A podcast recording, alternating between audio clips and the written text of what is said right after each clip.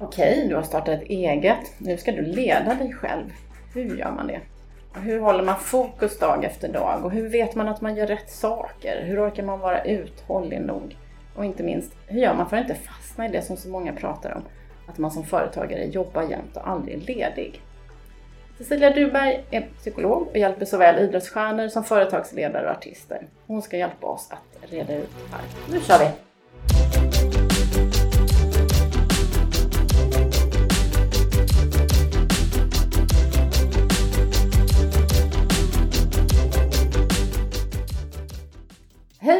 Starta eget-podden med mig Jasmine Bayermåle och välkommen Cecilia! Tusen tack Jasmine! Kul att vara här. Jättekul att ha dig här! Du, mm. du har ju skrivit en bok som heter Lejonagendan som kom yeah. ut för några år sedan och som handlar ganska mycket om det här med självledarskap. Mm.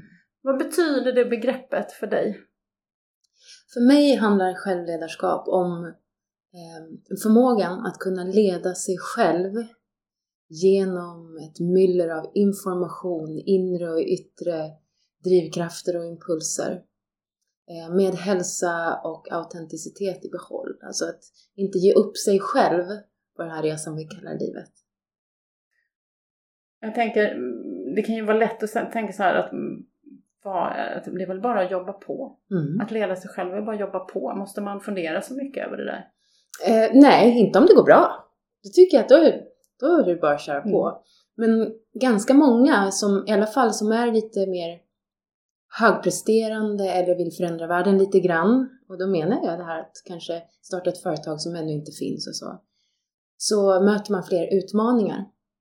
Och eh, det som har intresserat mig allra mest, tror jag genom alla år, det är att alla människors stora utmaning är att få tillgång till allt det här man redan är, har och kan när det blir lite pressat. Så alla dina förmågor, din erfarenhet, din kunskap, allt det där eh, som vi behöver när det blåser lite snålare. Den tillgången kan ibland bli lite... Ah, det är svårt att tänka klart ibland. Och då kan man bli starkare i den förmågan. Det är egentligen det jag träffar folk i, bara.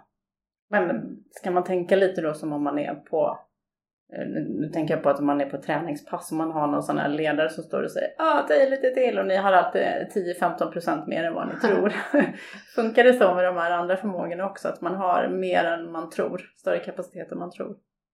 Ja, och det märker man ju själv också när man är lugn och allt går bra. Då har man ju tillgång till hela sig. Men när vi blir stressade så kan den eh, tillgången suddas ut lite. Men eh, då när du valde att skriva boken, ja. vad, vad är det du tänker att vi missar? Varför var det så viktigt för dig att skriva Lejonagendan? Eh, först så skrev jag ner den för det var mina bästa anteckningar från mina tränare. Så jag har ju egentligen inte hittat på någonting som står i boken. Utan det är bara... inte så många som har hittat på någonting. Nej, jag har ju samlat de viktigaste insikterna från mina tränare och jag såg också hur de här insikterna kom i en särskild ordning och hur jag också kunde använda den ordningen när jag jobbade med mina klienter. Och eh, det föll sig naturligt att det blev en bok med åtta kapitel.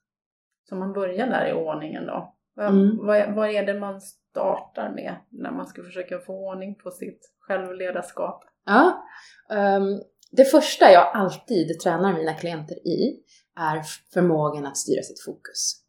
Eh, eftersom det vi fokuserar på är det som blir vår verklighet. Och mm, många verkar tro att vi har hur mycket uppmärksamhet som helst. Men vår uppmärksamhet är, precis som vår energi, starkt begränsad. Man, för att förklara lite enklare så kan man säga att varje sekund så får vi runt 11 miljoner bitar information. 11 miljoner? Ja. Runda siffror. Oj. Ja, varje sekund. Men vi kan bara fokusera på, medvetet alltså, på runt 4 till 20 bitar information per sekund. Så hjärnan behöver hela tiden välja vad som är relevant och viktigt. Och det här kan vi påverka. Alltså vad vi fokuserar på kan vi påverka i större utsträckning än många tror. Och det är när vi börjar kunna styra vår uppmärksamhet som vi börjar kunna leda oss själva. Men hur gör man då? Mm. Tänk, man, men om man tänker 11 miljoner bitar så ska vi sortera ut fyra till... Ja, det gör hjärnan hela tiden. Ja, okay. Så det finns alltid så mycket mer information runt oss eller i oss än vi fokuserar på. Och det vi fokuserar på bestäms av bland annat gamla mönster, hur vi brukar göra, vad vi kan än så länge, hur stressade vi är och ja, vilka kontexter vi är i. Eh, och det jag tränar mina klienter i är att bli lite mindre beroende av omständigheter. Och ett sätt eh, är att sätta en intention, att lära sig förmågan att sätta en intention. Vad är det för något? Ja, det undrar man ju. Ja. ja. Det är att välja vad som ska få min uppmärksamhet och komma tillbaka till det. Jag brukar kalla det för att man lever lite mer där fötterna står. Alltså kommer tillbaka till här och nu. Och att sätta en intention, det sker alltid i stunden innan. Stunden innan ett samtal, stunden innan ett möte, eh, stunden innan du svarar i telefon eller rent av stunden innan du startar en dag betyder, vi pratar alltså inte om en att göra-lista här där man liksom skriver ner det här ska jag göra imorgon och det är den viktigaste uppgiften. Det är någonting som pågår hela tiden. Just det, det är ett alltså. beteende, ja. en vana att innan du går in i olika saker skapa ett utrymme eh, i tid där du stannar upp, tar ett djupt andetag, sträcker lite på dig, släpper det som du kommer ifrån och aktivt riktar uppmärksamheten mot det du ska gå in i. Och vad Ställer dig själv en snabb fråga vad målet är med det och vem du vill vara och kanske vad du vill att de andra ska känna. Bara gör dig medveten om målet med den stund du kliver in i och också kanske kommer tillbaka till dina värderingar. Vem vill jag vara? Och när man gör det så ökar sannolikheten med typ 100% att det faktiskt blir så än om man bara rusar runt och försöker hinna med och kastar sig in mellan möten och på vinst och förlust. Så lite mer pauser liksom. Mm. Det gäller ju bara att komma ihåg det tänker jag. Ja, det är faktiskt det som är träningen. Ja, jag kan tänka mig det. Ja. Att man ska komma ihåg att man ska ta det där djupa andetaget och, och fundera igenom vad är syftet med det här mm. eller vad vill jag med det här. Mm. Det, blir ju, det blir ju jättelätt att man bara rusar. Så funkar jag i alla fall. Ja, och det är en väldigt vanlig impuls. Mm. Särskilt om det är bråttom och mycket. Och det är ju när det är bråttom och mycket som vi behöver det som mest.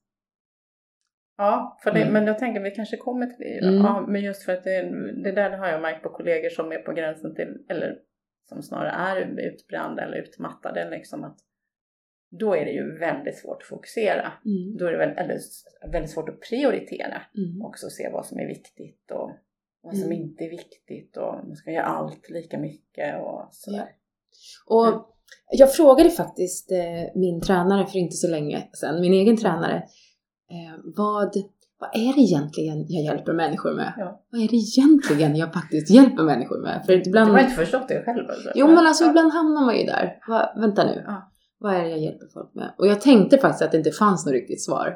Att det mer var en filosofisk fråga som behövde finnas. Och så. Men hon hade ett jättebra svar direkt. Hon sa Oh, we work to develop choice in people. Vi jobbar med att hjälpa människor att kunna göra val. Göra rätt val? Ja, och att egentligen bara förstå att man har val. Mm.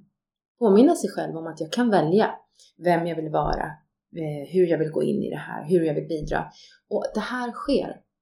Det här valet sker i det här spacet innan. En bra träning som jag kan skicka med mm. direkt är att sätta intentionen för dagen på morgonen. Att skapa en morgonrutin. Ja, det har du vet jag. Ja, jag har det. Och det är ganska modernt nu. Ja. Många, många ja. framgångsrika pratar om det här med morgonrutin. Man ska gå upp klockan fem helst. Ja, det är inte så dumt. Ja. Men eh, det gör man ju som man vill. Men just det här, det faktum att hur du spenderar din, dina första 60 till 90 minuter kommer att potentiellt skälpa eller bygga dina närmaste 12 timmar. Så de är viktiga. Eh, och egentligen bara genom att leva medvetet den första stunden på dagen så kan du sätta en intention, alltså komma tillbaka till dina värderingar och vad som är viktigt idag och vem du vill vara och vad målet är med den här dagen. På ett sätt som guidar dig själv mot att faktiskt göra så. Hur ser din morgonrutin ut? Blir man ju nyfiken. Ja, eh, min morgonrutin är väldigt specifik. Ja. Jag har haft den länge och det tog tid. Det tog, nog nästan tio år att bygga den, men nu har jag den. Och den, eh, eh, den är lite, alltså den är lite pinsam att berätta om för den kan verka väldigt flummig, men för mig funkar den ju. Ja. Det, det brukar Man får vara lite pinsam. Ja, men det brukar alltid vara någon som blir inspirerad och det räcker för mig. Så det första jag gör när jag vaknar, eftersom jag, jag vaknar i samma tid varje morgon eftersom jag har tränat mig att göra det. Jag tycker det är skönt. Men är det också så här jätte early bird? Ja, det är Men jag älskar morgnarna. Jag, jag vaknar 20 över fem. Men jag lägger ingen prestige i det. Man får vakna när man vill. Det beror ju på hur man lever.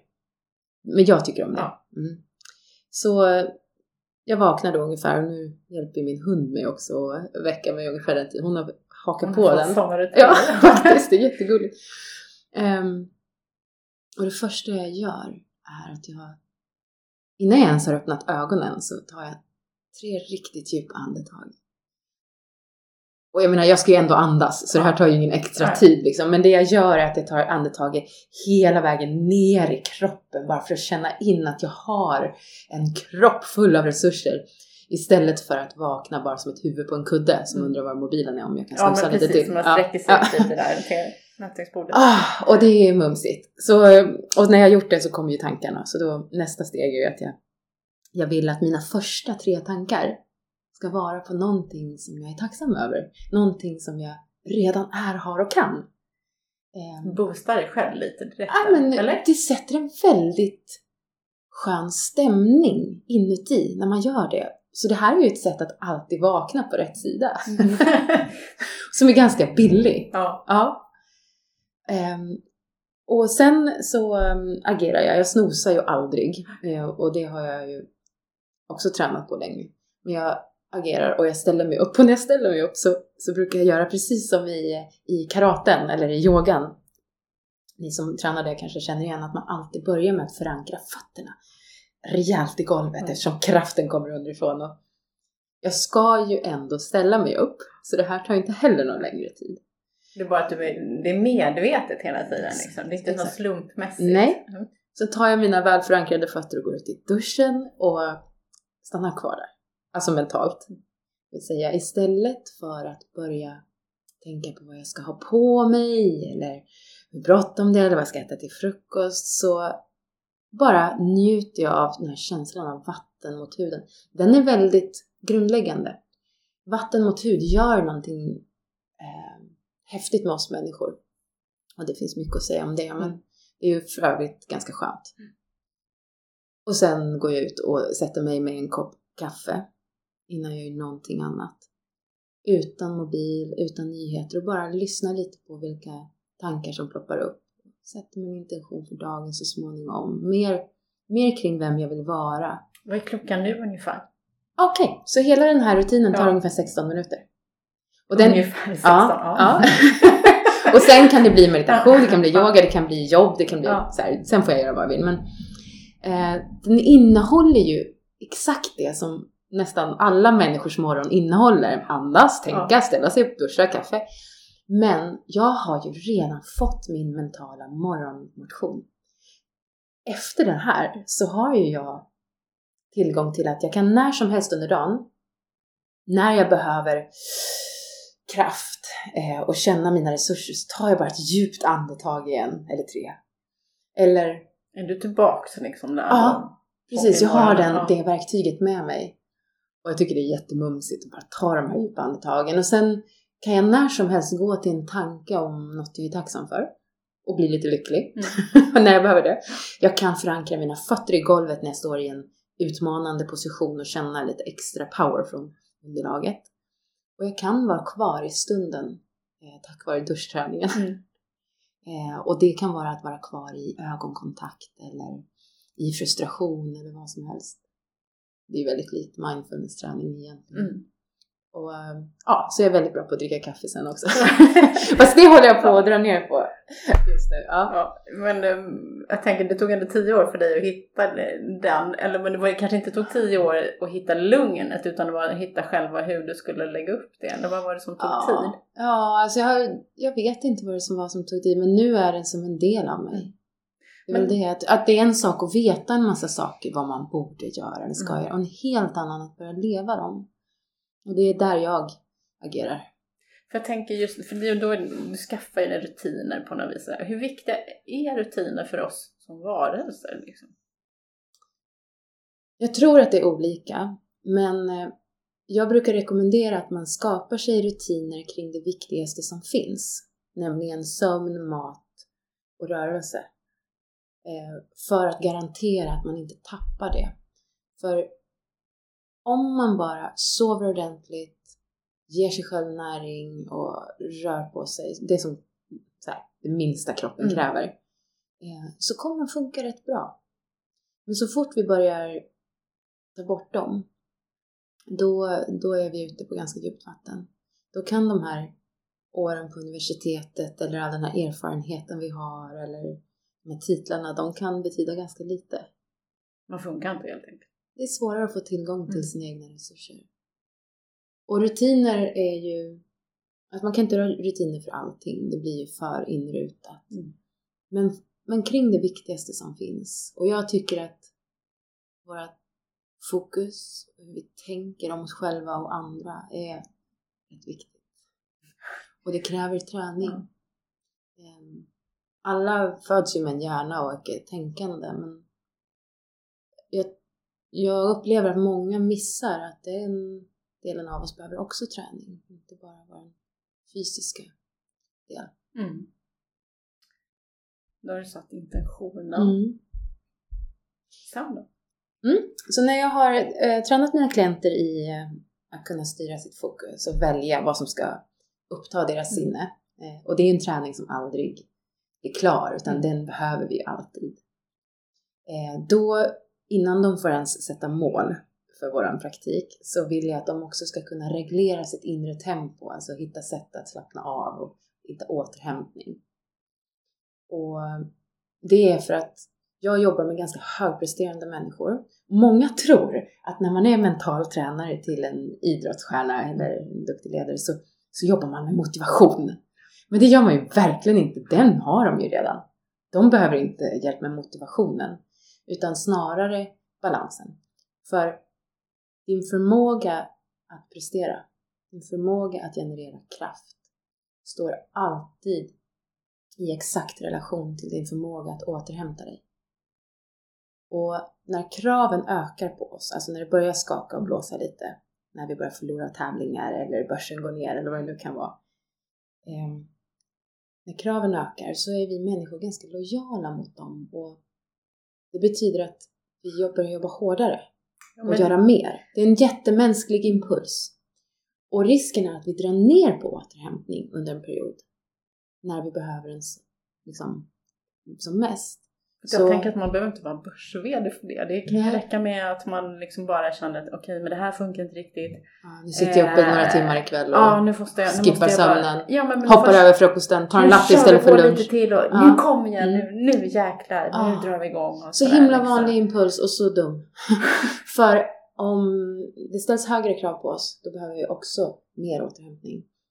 Det, det är ju ingen rocket science i sig, men jag ser ofta motsatsen. Och, jag all- tror det är och därför de all- flesta ja, jobbar med motsatsen. och alltid med dåliga Ja. resultat. Och vad, vad är återhämtning för dig då? Mm. Vad, liksom, vad, vad ska man göra? Vad är, finns det någon quick fix? det är väl det alla vill ha då, när man tycker att man egentligen borde jobba lite mer. Men vad, vad, hur fixar man det nu? Ja, alltså att jobba mer är ju inte alltid sant att det är det man behöver. Det är ganska ofta en, en illusion. Det är ju oftast det att man behöver prioritera och göra val Mm. och det, det är obekvämt. Så många väljer att jobba mer istället för att välja bort bara för att det är så besvärligt. Vad ska folk tycka? Ehm, jag vill ändå säga en sak om stress. Ehm, jag har själv, jag brukar stoltsera lite med att jag har valt bort stress. Det är Man lite kan provocerande. Man kan välja allt, man väljer Ja, stress. nej men jag skiter i stressen nu för tiden. Jag har slutat med det. Eh, Det är klart att jag får stressreaktioner men Mm. jag, bara genom att tänka så, så inser jag att jag har ett val varje gång som det händer saker runt mig som är pressande. Eh, men stressreaktionen i sig har ju fått väldigt dåligt rykte och väldigt dålig press tycker jag de senaste ja. tio åren. Den är ju smått fantastisk egentligen. Den är ju våran superpower. Den är ju kroppens eget sätt att hjälpa oss överleva. På bara några sekunder så kan, så kan ju kroppen själv se till att vi är optimerade för att slåss för vårt liv. Liksom. Det är ju rätt häftigt. Ja. Det smalnar av vårt synfält, stänger ner här aktiviteter som näringsupptag och sånt tillfälligt. Och pumpar ut blod i musklerna. Bara sådär. Det är jättehäftigt. Men om man lever i långvarig stress kan man ju inte hålla på sådär. Nej, nej men det är det som är grejen. Vi är gjorda för att stressa upp oss. Tre, fyra gånger under en dag, inga problem. Det är, kan kännas rent av uppfriskande. Men vi är inte gjorda för att ha de här, den här cocktailen av starka stresshormoner, kortisol, noradrenalin i våra blodådror särskilt länge.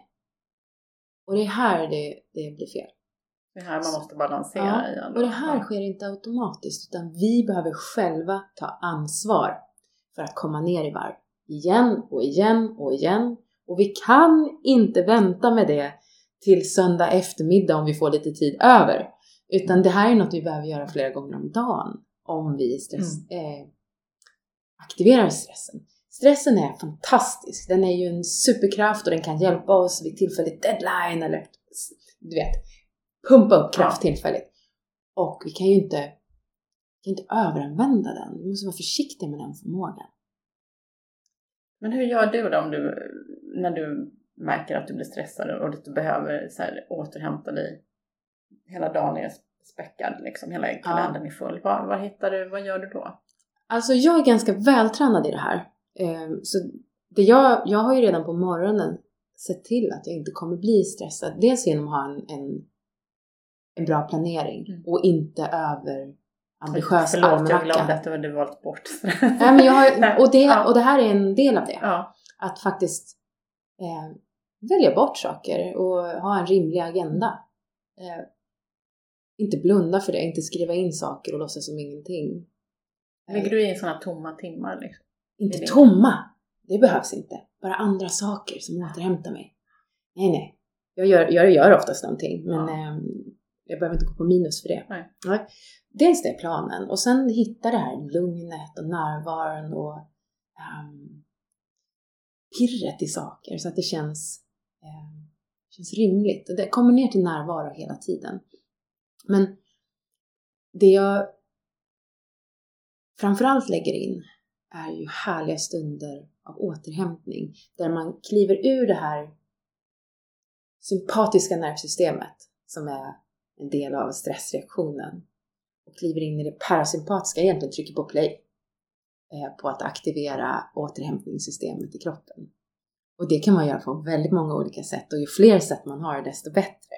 Och det är ju win-win-win för här blir vi lyckliga, glada, vi läker det där som stressen har ställt till med och Eh, vi blir kreativa och relationsbenägna och så.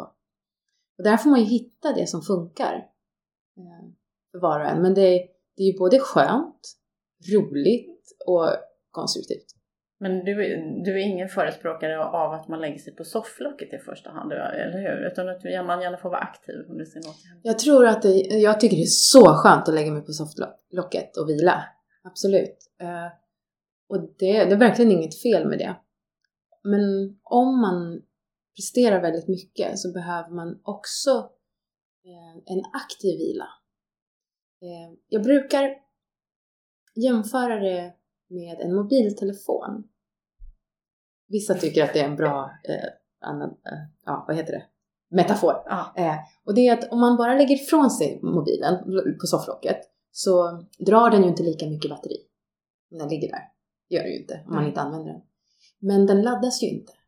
Så för att ladda mobilen måste man stoppa i sladden och få ström någonstans ifrån. Och det tycker jag är skillnaden mellan vila och återhämtning. Båda är bra men de har olika funktion.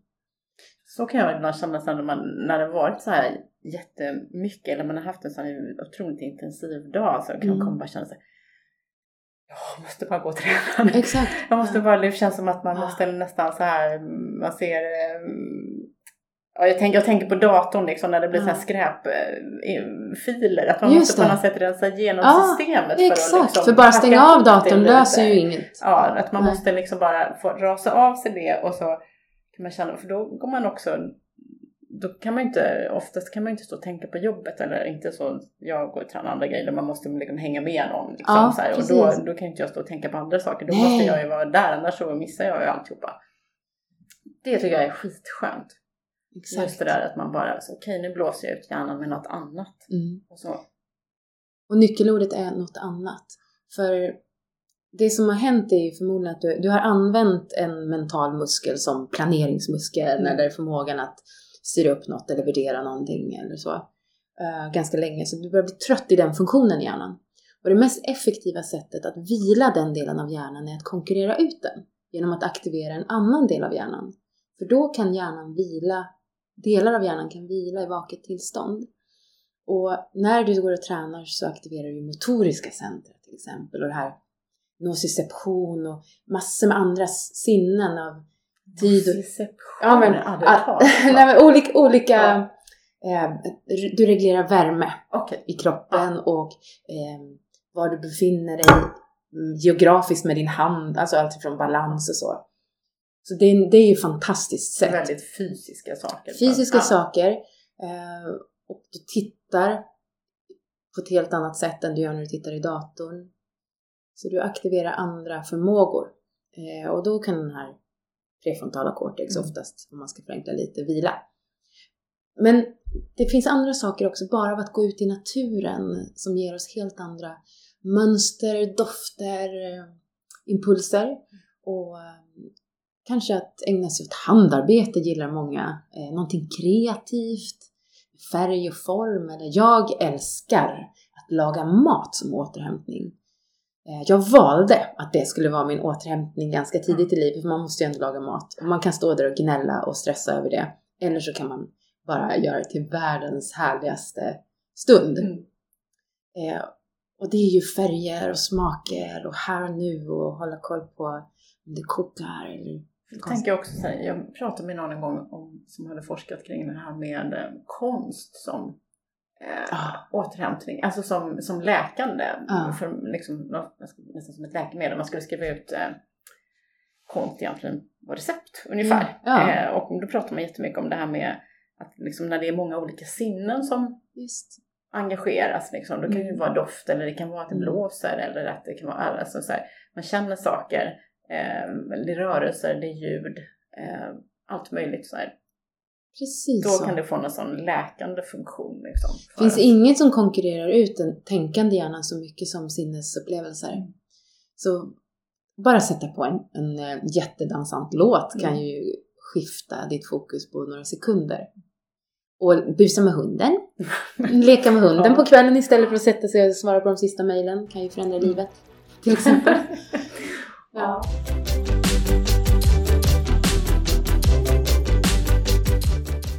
Vår nya sponsor Företagarna har en hälsning till dig som är nystartad företagare. På vår hemsida företagarna.se finns det avtalsmallar, handböcker, juridisk FAQ och massor av kunskap som du kommer ha nytta av. Kostar ingenting. Du behöver inte lämna in din mejladress eller skostorlek. Det är fullt tillgängligt för vi vill att det ska vara enklare att driva företag. Bara besök hemsidan företagarna.se så hittar du det du behöver.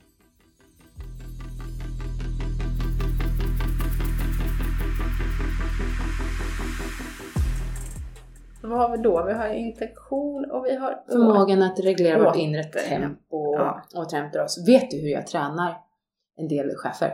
Jag tränar dem med pulsklocka. Jaha. För att, eh, och, och om du nu är klient hos mig och inte har plockat fram pulsklockan än så, så kan vi göra det. Men det är nämligen så här att jag vill att de ska träna sig att eh, lägga märke till hur högt de är i puls innan de fattar beslut. Och sen får de inte fatta beslut, alltså viktiga beslut, om de har en puls över 80. För då är man inte lika kompetent att göra det. Och inte under 60 heller. men, men eh, Men 80, är det Och jättehögt? de alltså, över- det känns inte jättehögt. Men Nej, det är inte jättehögt, men för att vara optimerad för viktiga beslut så vill jag att du tar ner din puls till under 80 innan du fattar det beslutet. Och då um, kan man också träna sig i att faktiskt reglera sin egen puls, vad som behövs och hur jag gör och då har vi Du kan gå ut ur styrelserummet och säga ursäkta jag måste bara lugna ner mig lite innan vi kan bestämma något här. Till exempel. Ja. Mm. vad, vad har du fått för reaktioner? Vet inte om eh, det blir så bra. Det blir så bra. Just det Ja. skapar återigen medvetenhet.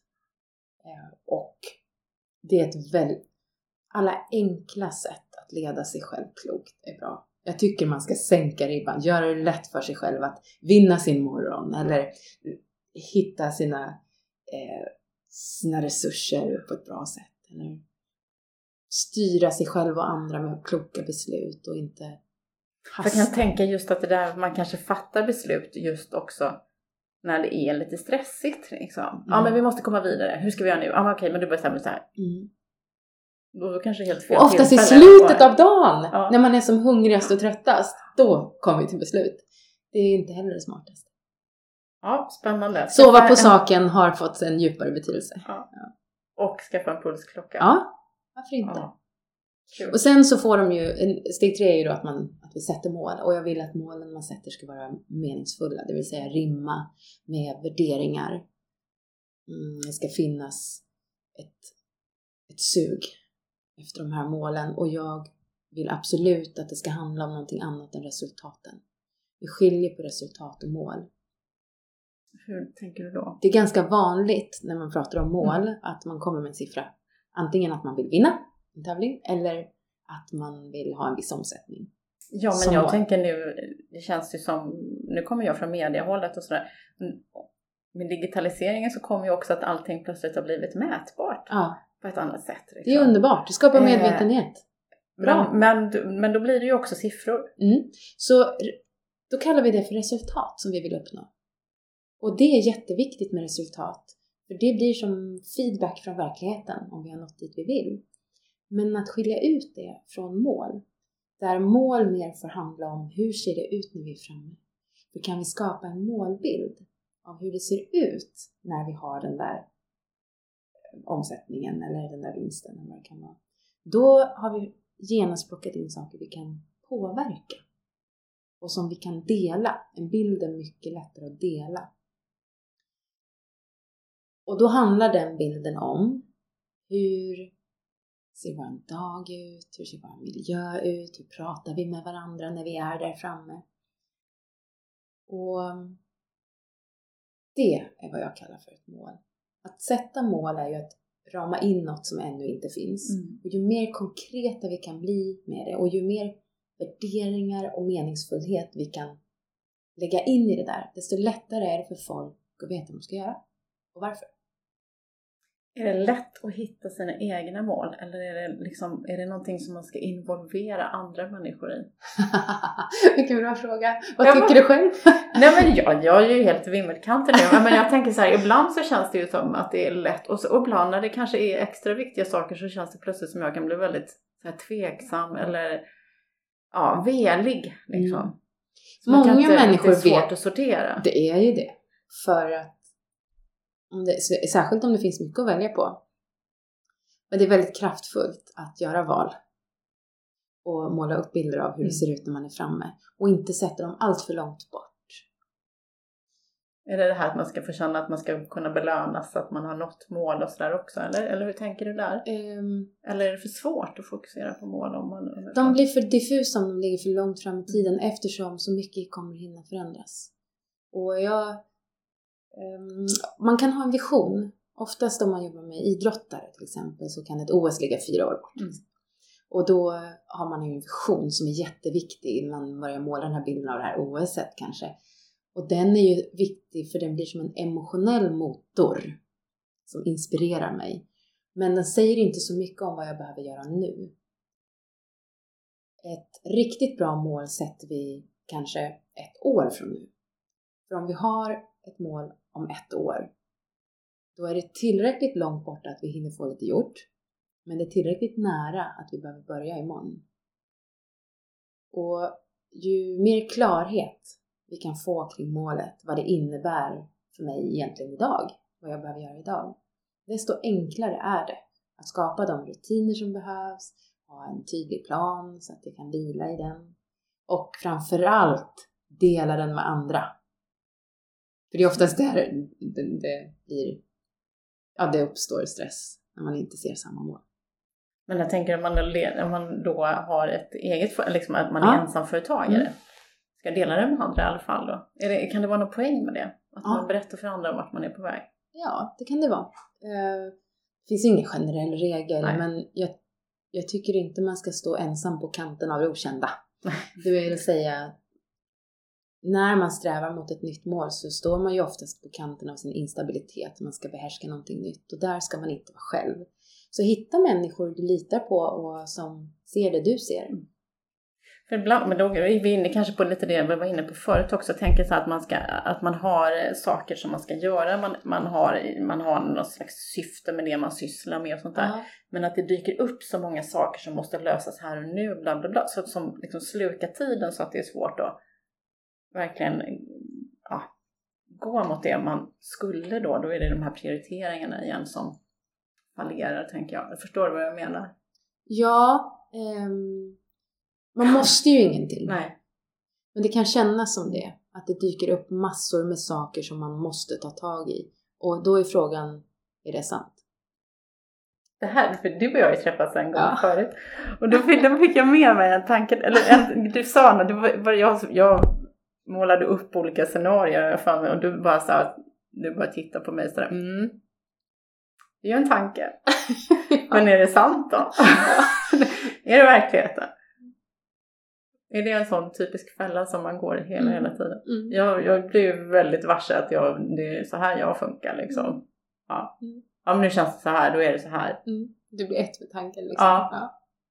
Och det är ju nästa förmåga, där med tanketräning. Mm. Eh, att, att faktiskt inte lyssna så mycket på sina tankar. De, de, eh, de är ju roliga, sådär. Men, men de är ju bara reflektioner från, från vårt förgångna och eh, lite vad vi, vad vi är just nu. Tankarna säger väldigt lite om verkligheten. Så Vad ska man lyssna på? ja, men alltså man kan ju kolla med dem, men om de inte är till hjälp så tror jag att man ska vrida ner volymen lite på dem och se vad är funktionellt just nu. Eh, Ja. Och det är en fråga man faktiskt kan ha med sig. Är den tanken till hjälp? Eller inte? Att inte vara ett med sina tankar är väldigt, väldigt viktigt idag. På samma sätt som det är viktigt att inte vara ett med sina känslor. Man kan konstatera att jag har en massa tankar. Nu är frågan, vilken tanke tar mig mot det här målet egentligen? Och vad är sant? Alltså vad är, om vi ska relatera lite mer till verkligheten, för det är bara där vi kan få något gjort. Vad är till hjälp där och vad är sant? Att komma tillbaka till det. Och om vi inte vet så kan vi ju ta reda på det. Man ska bli lite mer källkritisk när det kommer till sig själv alltså. Ofta om man drar ner på tempot så blir saker och ting klarare. Och drar man upp tempot, om man stressar på, då ska man veta att noradrenalin till exempel, som är ett väldigt eh, starkt stresshormon, det, det har massa andra funktioner också som är superbra. Jag menar inte att tala illa om noradrenalin, men det har också som jobb att göra oss oroliga. Så ju mer stressade vi är, desto mer mörkblått ser vi på verkligheten, eh, desto mer oroliga blir vi. Och vi far iväg till framtiden. Ja. Och vi ältar det som har varit och vi tappar här och nu och verklighetsförankringen. Egentligen så handlar all den här träningen om hur vi relaterar till verkligheten och om vi vågar stå kvar i det som faktiskt är. För du har sagt någonstans, såg jag, att man ska inte vara så rädd för att vara frustrerad. Där kan man gärna stanna lite grann. Eller? Mm. Alltså, vi kommer bli frustrerade. Frågan är bara om vi kan hantera det. Frustration är fantastiskt. Jag älskar ju frustration. Jag tycker det är Men det fantastiskt. är lite som det, och alla kriser är bra för alla kriser är utvecklande, eller? Ja, alltså no, frustration har en annan kvalitet nämligen. Eh, ofta så är det ju så att det finns frustration i rummet när, jag, när man ringer mig, för det är därför man ringer mig. så då, eh, men det handlar inte om att jag blir glad för att jag har jobb, utan jag vet en sak om frustration. Och det är att eh, frustration är energi som ännu inte har hittat en riktning. Och det är ingen fara, för det har jag verktyg för att hitta den där riktningen. Men alternativet till frustration i alla de här stunderna är aldrig total harmoni. Alternativet är Du vet när det inte finns någonting bakom ögonen på folk. Uppgivenhet. Mm. Och man kan jobba med uppgivenhet också, men det är en mycket längre väg. Då måste man börja med att plocka upp grejerna på bordet och egentligen bygga upp den här frustrationen. Mm. Titta på vad är det som har hänt här? Innan vi har energin i rummet. Om frustrationen redan finns, då har vi energin där. Det är ju bara att börja jobba. Till målet, liksom. ja, och det är aldrig en fråga om vi ska bli frustrerade, utan när. det, det betyder bara att en process har startat egentligen. Och att det inte är så tydligt vart vi ska. Och om vi kan vara kvar i den, om vi kan bära den och titta på den och bli nyfikna på den. Impulsen, eftersom det känns obehagligt, är ju oftast att värja sig från den. Så det är mänskligt och jag är den första att förstå att man vill göra det. Och då har vi lite favoritsätt att fly frustration, vi människor. Eh, det absolut mest populära sättet att fly frustration, vet du vad det är? Mobiltelefon Ja, den är, den är ja. faktiskt en runner-up. Ja. Eh, att, eh, att använda sig av lite, den där dopaminmaskinen. Ja. ja. Men en annan vanlig flyktväg är att hitta någon att skylla allting på. Vems fel är det här? Ja, det är så här. Det är ju en riktig favorit. Ja, ja. Kan vi bara hitta vems fel det här är så känns allt lite bättre. Så kanske vi till exempel kan plocka bort den personen också så blir allt frid och fröjd. Um, en annan är ju att inte komma i tid eller ägna sig åt något annat eller som du säger mobiltelefon. Och det är egentligen alla de beteenden som ställer till det, inte frustrationen i sig. Så man ska inte vara rädd för det, man ska snarare bejaka den bara och se att här är en energi och så se vart ja. man kan ta den.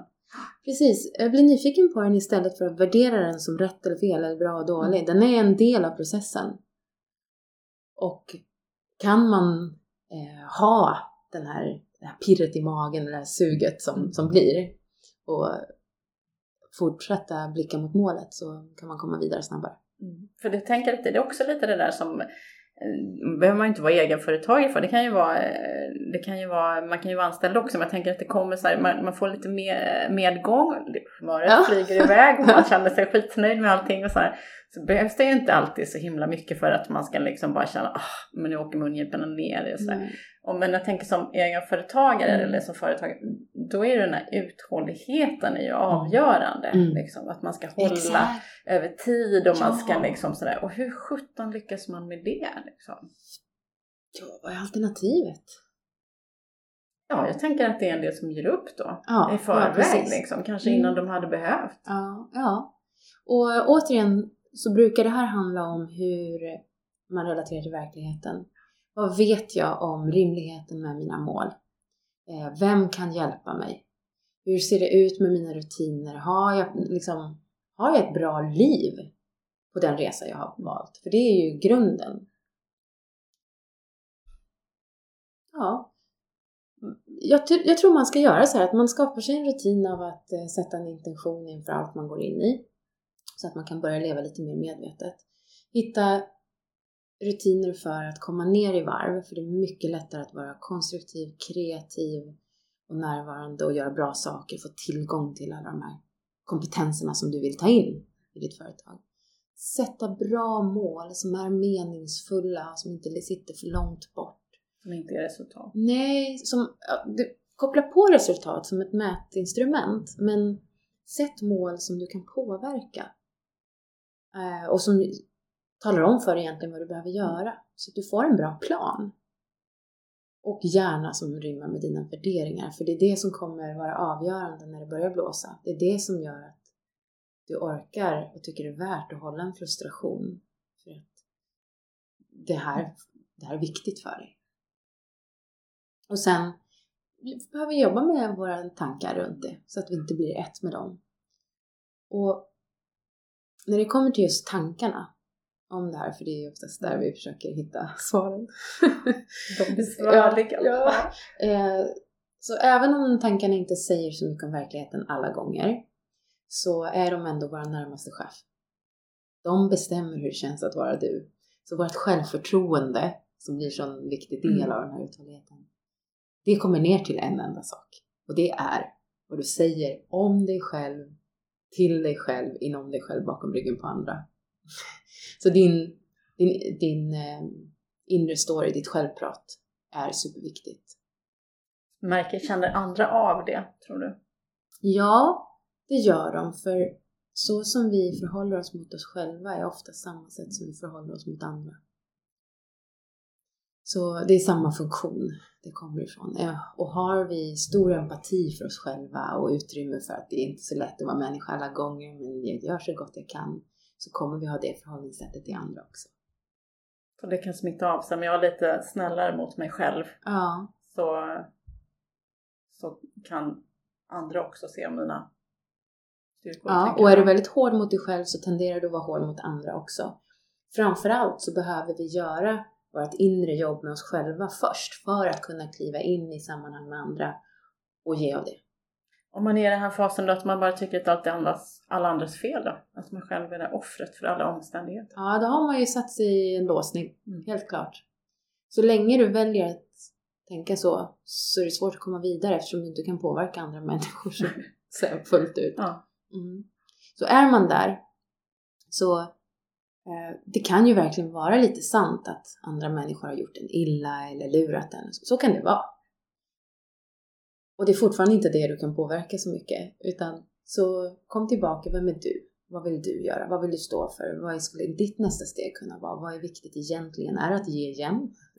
Eller vill du lägga din begränsade uppmärksamhet och energi på någonting annat och göra ett val? Det låter ju enkelt när man säger det så här. Men du, ja. Eh, är vi framme nu liksom vid målet i självledarskapet? Har vi gått hela vägen då? Mm, vi har kommit ganska långt. Mm. Mm, men nu kommer ju känslorna. och de är ju jättespännande. Om tankarnas jobb är att skapa mening med det vi gör. Så känslornas jobb att bidra med stämning och energi till den meningen. Och där är det ju ett fantastiskt häftigt jobb vi kan göra när vi börjar bli nyfikna på vår energi och hur vi kan korrigera den. Och framförallt hur vi kan jobba med andra människors känslor och läge. Och det är ett ganska stort kapitel, men just den här emotionella intelligensen, hur vi kan jobba med den. Mm, jag gör det jättemycket med både ledare och idrottare. I synnerhet den här grejen att kunna knäppa på rätt känsla när den behövs. Det är ju världens bästa verktyg. Om man har lyckats identifiera vilken känsla jag hade innan det där loppet som gick så bra. Okej, okay, ja. ja. Sina egna känslor. Ja, ja, just ja. Det, ja. Eh, för det är oftast känslan du har innan som avgör de där sista hundradelarna. Eller känslan då som... Det kan ju vara, borde kunna vara innan man går in i ett möte också med någon viktig i högsta grad. Eller du ska in liksom. på en eh, jättetuff presskonferens mm. och du kan, vet att du har inte kontroll. Du, du kan bara gå in och göra ditt bästa. Så vilken känsla är den bästa att ha innan? Och där kan man faktiskt träna sig i att dels bli nyfiken på vad hade jag för känsla när det gick bra? Och en känsla är ju som ett ganska precis och unikt recept på eh, kroppshållning, eh, vilken tanke man har, vilken låt man har i huvudet, eh, hur man andas till och med. Varje känsla har ju ett unikt andningsmönster. Jag kommer yogalärare med ja. dig in också, ja. som just med att hitta den här landet, den ja. grundade andningen. Det finns så mycket ja. rikedom i, i de här kunskaperna så det är fantastiskt vad man kan göra för att leda sig själv. Och sen um, kan man det här, sätter man grunden av fokus, återhämtning, meningsfulla mål, starka tankar, mycket empati för sig själv. Jag skulle säga att det är nog det som människor behöver träna mest på. Det mänskliga i att faktiskt inte lyckas jämt. Och lite nyfikenhet på sina känslor och sitt känsloliv snarare än att försöka stänga av det. Då blir vi mentalt tuffare. Vi kan sänka hinder, som jag också skriver om. Vi blir stabilare i stormens öga. Och vi får de där egenskaperna som man tänker sig att en ledare ska ha helt enkelt. Ja. Lite är det då ja. ja. Och vi ger oss också utrymme att reflektera och lära oss hela tiden, att ta in feedback från verkligheten. Och jag önskar ju alla människor i hela världen mer av det här. Det är min agenda. Det är din Toppen. Jag bad dig förbereda en sak som avslutning och Eh, du har en liten guidning vet jag, hur man, hur man liksom håller ner sin oro en smula. Ja, för om eh, dina tankar har farit iväg och du är i stor oro och du, eh, har, den har fångat dig så du kommer inte vidare och eh, den bor liksom i hela kroppen och det är jättejobbigt. Då behöver vi komma ner i varv.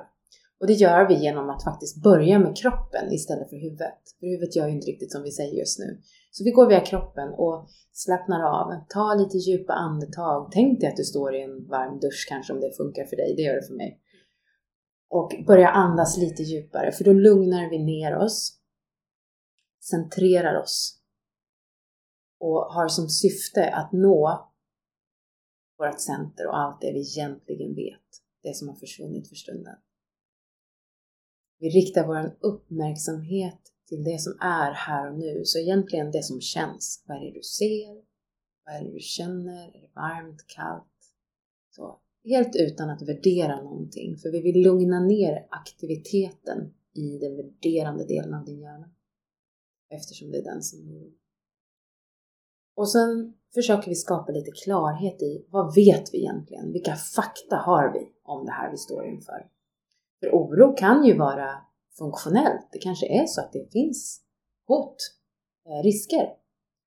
Och det vi vill då är att komma ner till vad vet vi? Vad finns det för fakta?